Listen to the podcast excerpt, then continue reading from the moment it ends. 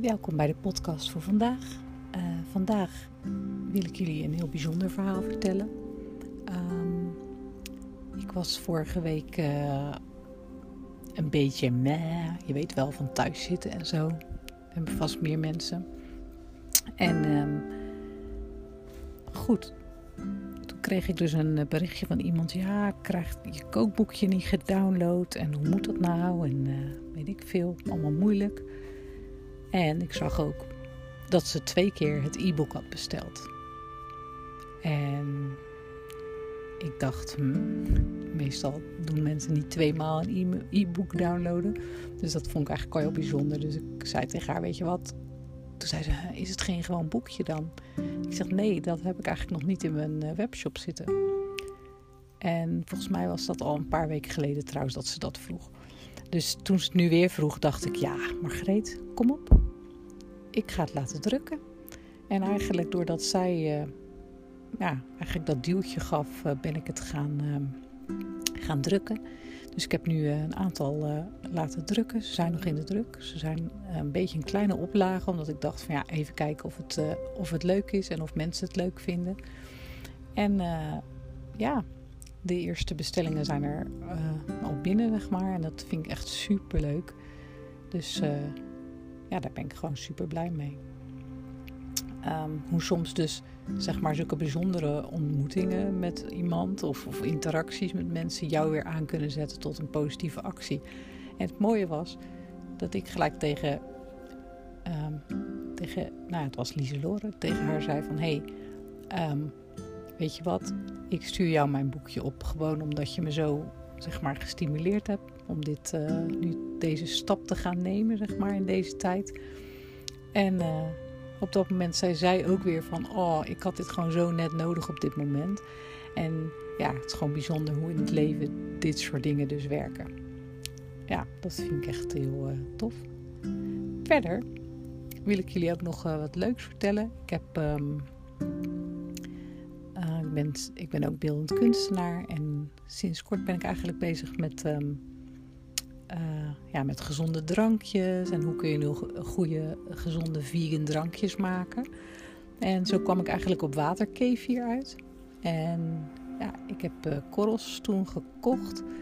En ja, inmiddels drinken we eigenlijk elke ochtend uh. Wat is waterkefir? Nou, waterkefir bestaat uit um, ja, een soort witte korreltjes.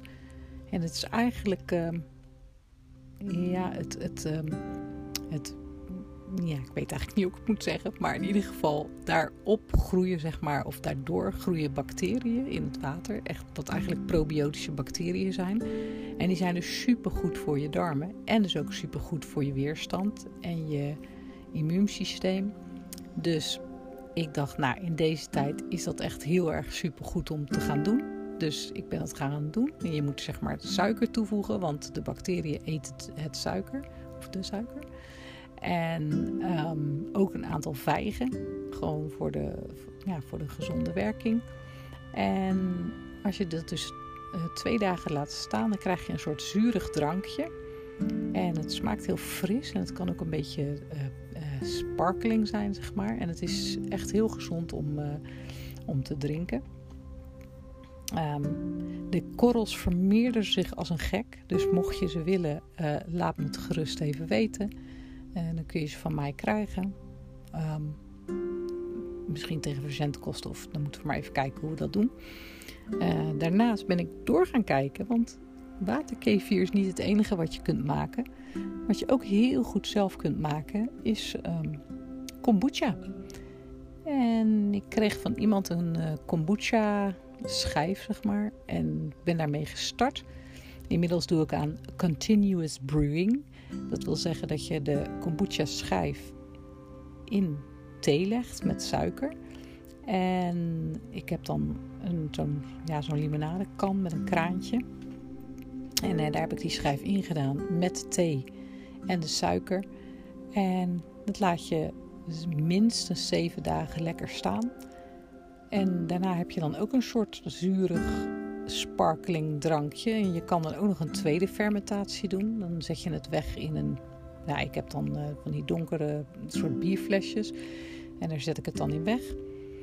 En ja, dan, dan met kruiden. Som, ik pak dan uh, salie uit mijn tuin. Of ehm, uh, ik had dan nog een beetje bramesjam zelf gemaakt. Dat had ik erin gedaan. En dan laat je het een paar dagen nog staan. En dan is het echt, dan komt er ook echt zeg maar een vis in. Een, uh, een hoe noem je dat? Prik. En ja, dat is gewoon heel erg super lekker. En zo kun je eigenlijk op een hele ja, eenvoudige manier um, je eigen drankjes maken. Die ook nog vegan zijn. Verder ben ik uh, heel ja, erg met mijn gezondheid bezig. Op het moment uh, heb ik, uh, ben ik eigenlijk een beetje aan het experimenteren met uh, koud afdouchen. En geloof me, in het begin is het echt vreselijk. Want je denkt echt, hoe ga ik ooit onder die koude douche komen? Ik deed dan wel eens, weet je wel, even mijn armen en mijn benen een beetje koud. En dan dacht ik, hmm, zo is het wel goed. En toen ben ik eigenlijk me gaan verdiepen zeg maar, in de Wim Hof methode. Hij is natuurlijk best wel uh, extreem, uh, extreme man, zeg maar. Wat ik trouwens wel heel gaaf vind, is dat hij dus ook echt vegetarisch eet. Dus dat vind ik dan wel weer positief. Ja, vegetarisch is nog niet vegan, maar toch, ik vond het wel positief.